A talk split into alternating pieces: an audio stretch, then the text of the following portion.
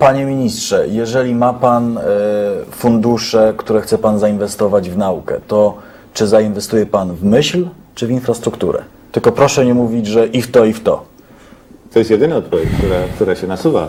Y, Nie ma takiego dylematu. Y, W, tej chwili nauka, myśl, to co Pan określił, wymaga infrastruktury i odwrotnie, infrastruktura niczemu nie służy, jeśli, jeśli nie jest porządko- podporządkowana pewnej myśli. To jest jedyna, jedyna odpowiedź. Natomiast oczywiście problemem y, są relacje między tymi dwoma. Czy y, należy kłaść większy nacisk na pracę teoretyczną, jak rozumiem, czy na pracę doświadczalną? Y, Nie, mi i- chodziło o honoraria versus laboratoria.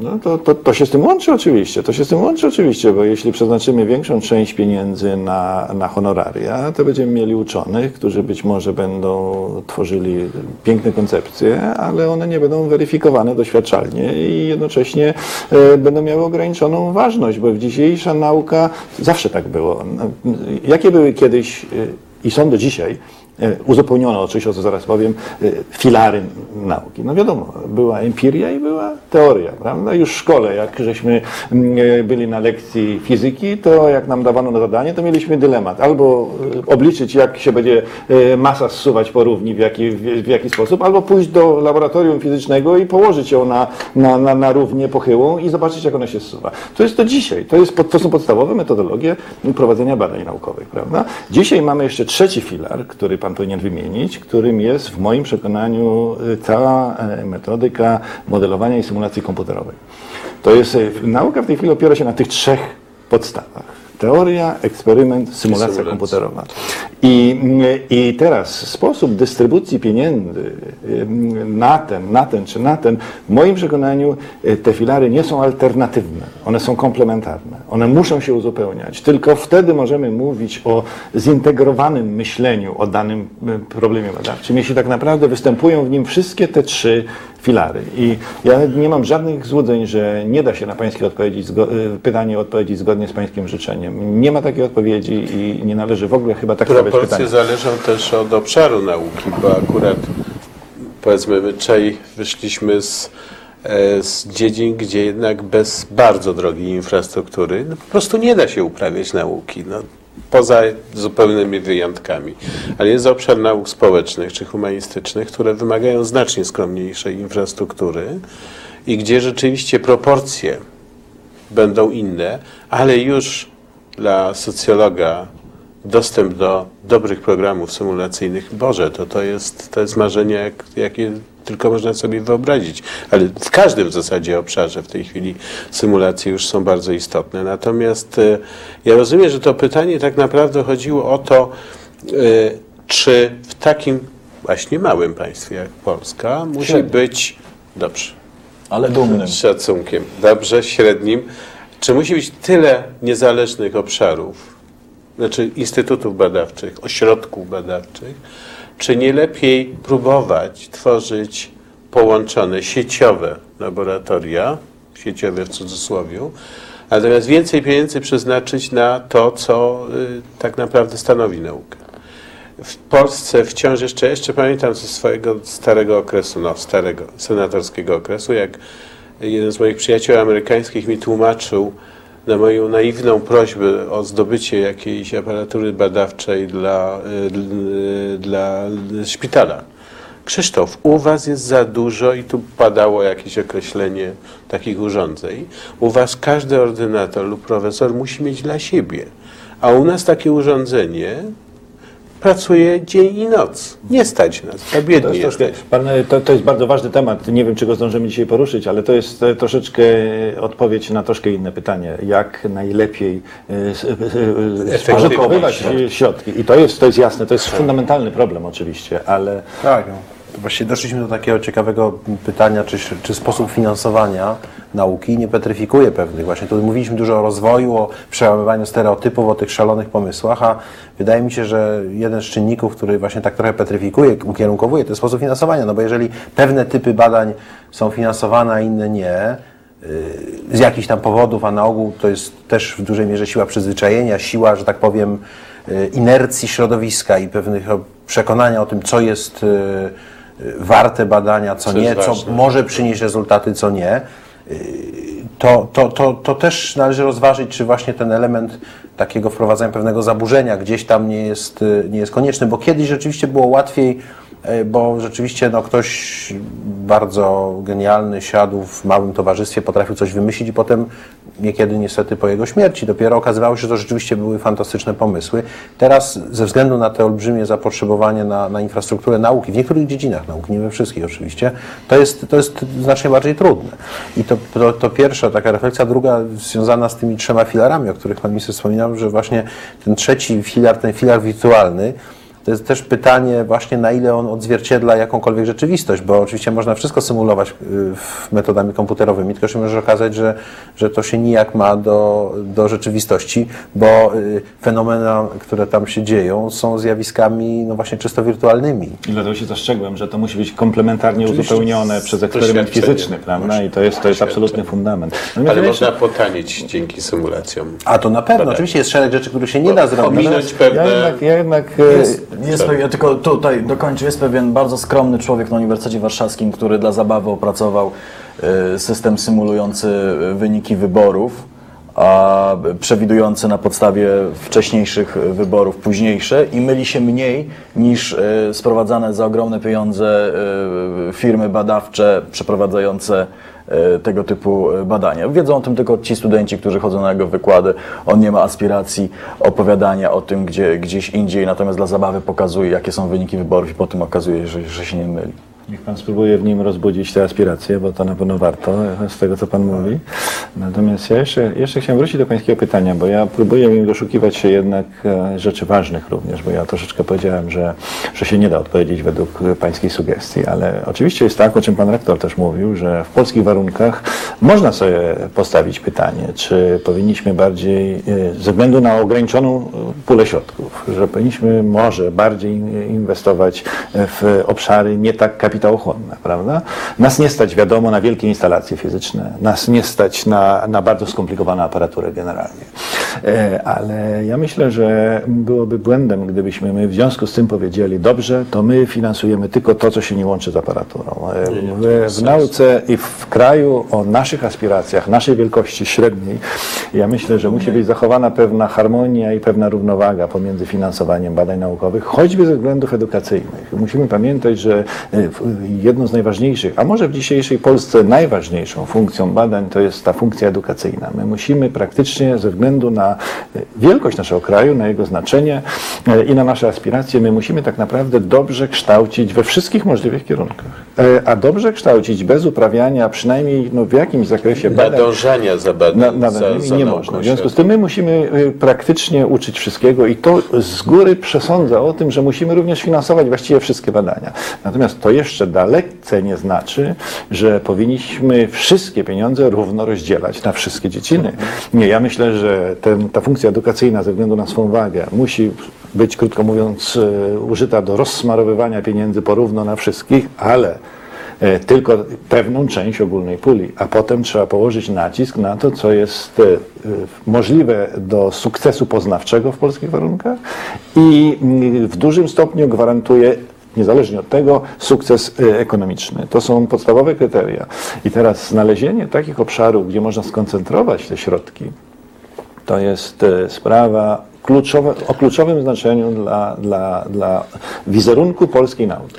Tak, Proszę zobaczyć. Uczestnictwo w wielu badaniach międzynarodowych, w wielu przecież przedsięwzięciach wspólnych też pozwala nie wydatkować środków na stworzenie na przykład aparatury, której w skali jednego kraju no praktycznie Nie potrzeba nawet. Nie, nie, nie dość, że nie potrzeba, to jeszcze wręcz nie można zbudować. No, przykład bardzo taki spektakularny to jest chociażby CERN i ośrodek, y, który polega na tym, że Polska przecież nie buduje sobie takich akceleratorów, nie buduje takiej aparatury, ale uczestniczy w tym i część tej aparatury, jakieś komponenty są budowane, powstają w Polsce i są tam używane. Także to, to tylko i wyłącznie y, ułatwia y, pracę, bo potem jeszcze właśnie dostęp do wyników badań, dostęp do tych wszystkich olbrzymich baz danych jest też zdalny. Nie trzeba tam nawet już w tej chwili jeździć, żeby tam fizycznie siedzieć i, i zabierać. Piąty i szósty program ramowy jest, ja myślę, że dobrym przykładem tego, jak e, Unia Europejska próbuje gonić, albo przynajmniej nadążać za Stanami Zjednoczonymi. Skąd powstały te programy? Według mnie tylko dlatego, że okazało się, że no jednak postęp amerykański, ten technologiczny jest y, wyraźnie szybszy niż, niż w Europie i wyraźnie postanowiono skoncentrować ogromne pieniądze, narzucając ostre warunki, ostre warunki w ten sposób, że musi być dużo partnerów i muszą być duże instytucje. Czyli tu akurat jest przykład e, inwestowania już w silnych, próbując skoncentrować efekty. Prawda, to ja, ja to potwierdzam w całości. My jak mówimy o programach e, e, wspólnotowych europejskich, które się nazywa programami ramowymi, jak wiemy, to przeważnie mówimy o pieniądzach, które nam tam przyjdą bezpośrednio na projekty, podliczamy je, czy nam to się bilansuje, no to jest jakiś tam kryterium naszego sukcesu. Z, czasami wspominamy, niestety nie za często, o tym, że jakieś też wyniki powstają w ramach tych programów, ale tak naprawdę nigdy nie mówimy o czymś, co być może jest największą wartością. Mianowicie one narzucają pewien sposób prowadzenia badań. dokładnie. One wymuszają pracę w bardzo zróżnicowanych zespołach, zróżnicowanych y, geograficznie, językowo, y, jeśli chodzi o mm, y, podstawy edukacyjne, bo przecież w końcu te grupy się różnią, y, zmuszają do współpracy uczonych o temperamencie bardzo teoretycznym, o uczonych o temperamencie y, y, aplikacyjnym, wreszcie przedstawicieli przedsiębiorstw. Taki konglomerat, takie bardzo niejednorodne ugrupowanie zwane w żargonie brukselskim konsorcjum jest pewnym modelem, o którym ja mówiłem, mówiąc o złożoności procesu badawczego w tej chwili. I to, że ktoś nam w pewnym sensie wprowadza go siłą, tak jak gdyby nieświadomie, bo my bierzemy udział w e, programach ramowych, bo chcemy tam mieć pieniądze, chcemy prawda, współpracować i tak dalej, ale tak naprawdę to do nas wraca jako pewna metodyka prowadzenia badań i to jest wartość, która musi być na pierwszym miejscu stawiana. Ale ten system y, y, powoduje jeszcze jedno. Ułatwia przyspieszenie wprowadzenia y, wyników badań do praktyki.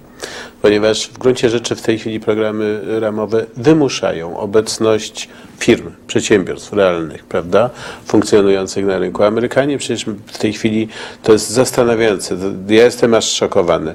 Oni już w tej chwili walczą o miesiące jeżeli chodzi o patenty. Już nie mówi się o latach, tylko próbuje skrócić czas opatentowywania do, z kilku miesięcy do dwóch, trzech. To jest, to jest, to jest niesamowite. To jest niesamowite. W naszych e, warunkach, no to wciąż niestety jest długi i żmudny proces. E, Programy ramowe, są strasznie trudne z tego punktu widzenia, nie tylko ramowe, inne też europejskie, które wymuszają udział firm utrudniają w gruncie rzeczy, w pierwszym na pierwszym szczeblu utrudniają współpracę. Bo z jednej strony ma się ludzi, praktyków wyłącznie zorientowanych na dzisiejszy rezultat. I teraz zgranie tych dwóch grup może dać zupełnie nową jakość. Wszystkim przyspieszyć, bo ten praktyk mówi, a słuchajcie, to mnie to w ogóle nie interesuje, dajcie mi mięso. Rezultat konkretny. Wydaje mi się, że to jest, to jest fantastyczne i tutaj rzeczywiście nowa rzeczywistość wirtualna no, przyspiesza. Przyspiesza i, i, i powoduje, że to są tańsze programy. No, wyobraźcie sobie 10 partnerów i za każdym razem konieczność spotkania prawdziwego. To logistycznie jest to nie, niemożliwe do zrealizowania, nie mówiąc jakie to pieniądze będzie kosztowało.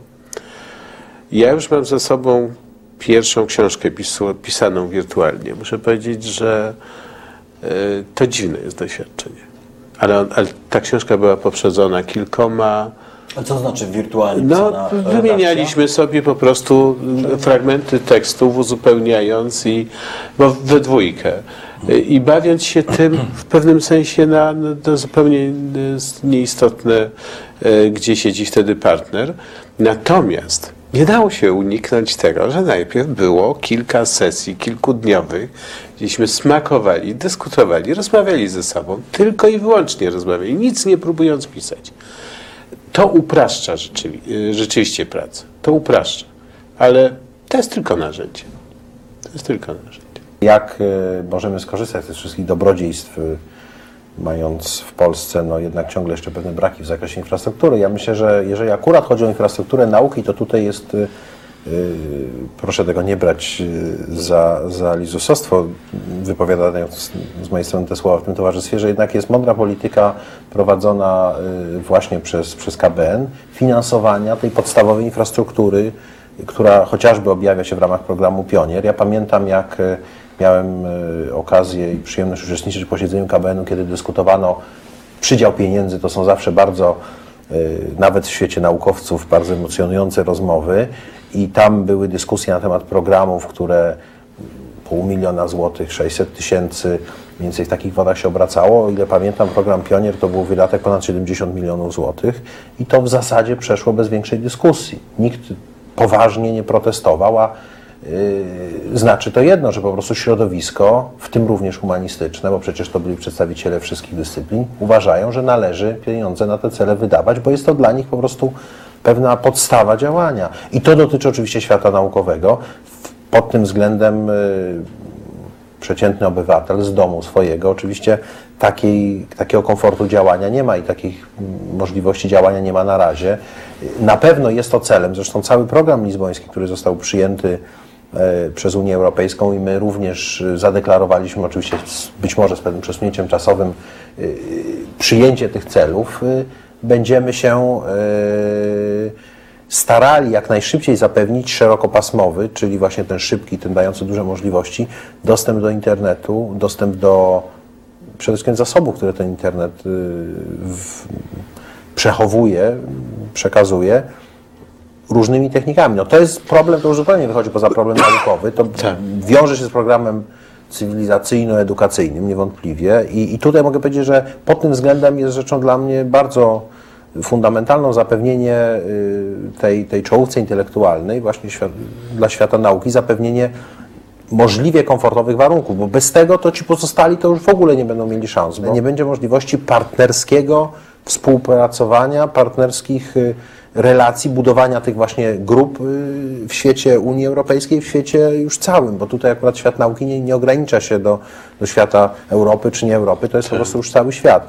I, i, I ta odpowiedź no, jest taka częściowa. Niestety nie mamy takich możliwości na razie jeszcze, ale dążymy do tego konsekwentnie. Tu musimy uruchomić mechanizmy rynkowe, bo to nie jest tylko nasz problem, bo ten sam problem przeżywa wiele krajów unijnych, które nie są w stanie tego naprawdę wysokiej jakości szerokopasmowego dostępu zapewnić każdemu swojemu obywatelowi, a no, też nie należy różnicować na lepszych i gorszych, na, na, na klasę A i klasę B, ale na pewno różnego typu starania w tym zakresie podejmujemy. Natomiast jeżeli chodzi o konkretne działania w świecie nauki, to tu wydaje mi się, one są bardzo konsekwentnie, skutecznie, być może nawet yy, wymaga to pewnej wytrwałości, czy, czy pewnego właśnie niepoddawania się argumentom bardzo populistycznym, no tyle pieniędzy wydajecie na jakieś tam druty czy światłowody, a tutaj takie inne potrzeby są dookoła.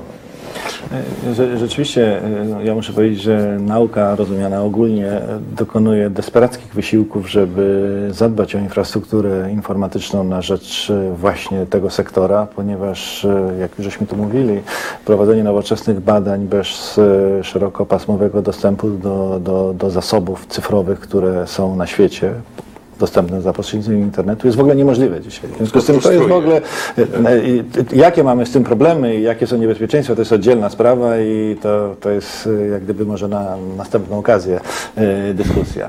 Natomiast ja rozumiem, że pan minister jest też umiarkowanym optymistą, jeśli chodzi o postęp w zakresie krajowej infrastruktury teleinformatycznej w przyszłości i że to nie będzie tak, że po przystąpieniu do Unii przez pierwsze 10 lat będziemy mieli okropne kłopoty, nie będziemy mogli właściwie w niczym dorównać krajom unijnym. Tu można być też umiarkowanym optymistą. Jestem pomalkowany, więc wydaje mi się, że tutaj po pierwsze y, istnieje już wyraźnie artykułowana y, potrzeba i to nie ze strony mojej czy, czy powiedzmy rządu, ale również tych odbiorców, że, że oni potrzebują. Ja mam na myśli tutaj oczywiście nie tylko osoby fizyczne, ale również przedsiębiorstwa. Przedsiębiorcy rozumieją, że w dzisiejszych czasach na przykład bardzo mi się podoba postawa niektórych już w regionach, y, czy, czy wojewodów, czy burmistrzów, czy nawet na poziomie sołtysów, oni rozumieją, że oni muszą, jeżeli chcą ściągnąć na swój teren inwestora, jeżeli chcą ściągnąć na swój teren kapitał, który w jakiś tam sposób pomoże im wyrwać się z, z zapaści, z marazmu, to muszą zapewnić y, nowoczesną infrastrukturę wszelaką, w tym również teleinformatyczną. I to jest y, dobre bardzo y, zjawisko, bo to rokuje dobrze na możliwość wykorzystania chociażby tych słynnych funduszy strukturalnych, na które tak wszyscy liczą, bo my potrzebujemy w Polsce dobrych dróg, potrzebujemy wielu takich rzeczy właśnie infrastrukturalnych, ale również potrzebujemy tej infrastruktury teleinformatycznej. To jest jeden czynnik. Drugi czynnik jest taki, że jednak no, też trochę wierzę w postęp technologiczny, bo tutaj już wchodzimy w świat tego szerokiego zastosowania, więc no, rachunek ekonomiczny jest podstawą. Koszt ten indywidualny, na głowę liczony koszt cały czas spada. Tutaj szeroko można wykorzystać, w ogóle pojawiają się nowe technologie. Nie tylko ulepszanie istniejących, ale również zupełnie nowe technologie. I, I tu widzę bardzo dużą nadzieję. Także ja mam nadzieję, że to nie będzie 10 lat, ja mam nadzieję, że to będzie może, może 4-5 lat i wtedy będziemy mieli rzeczywiście porównywalne y, szanse, y, takie jakie mają albo chcieliby mieć, bo też nie wszyscy mają obywatele krajów Europy Zachodniej. I te nowe technologie to dostęp z gniazdka elektrycznego, Na przykład, jak bezprzewodowy. bezprzewodowe, na przykład Coraz telewizja częściej o po radiowych sieciach się telewizji mówi, tak. kablowych.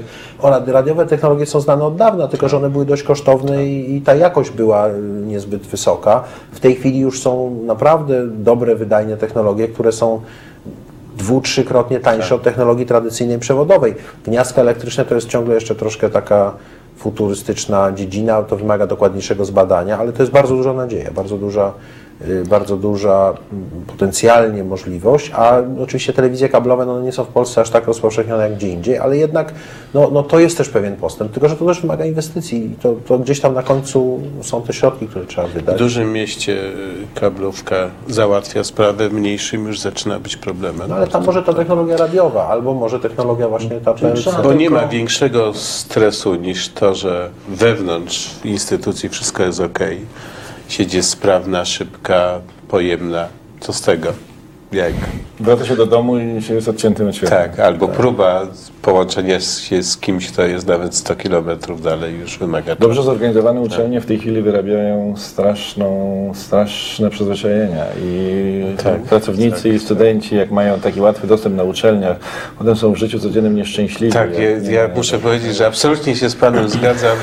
E, psuje swoich studentów. Oni uważają, że ten standard, który żeśmy osiągnęli, jest oczywisty. To bardzo no. dobrze, bo to znaczy stawiają oczywisty. wysoko poprzeczkę Tak, w życiu codziennym i to motywuje i dostawców usługi, bo to się tworzy rynek pewien przecież, No, prawda? tyle, że on troszkę wyrabia też przyzwyczajenie, że to jest za darmo, co jest, co jest troszeczkę, jest troszeczkę przyzwyczajeniem nieprawdziwym i, i ten. No tak, to prawda, to prawda, ale to jest może taka y, y, zachęta, promocja, tak? Tu, Ale tu za tak- darmo, a potem trzeba mieć, ale już się tak- chce mieć, więc tak to, już musi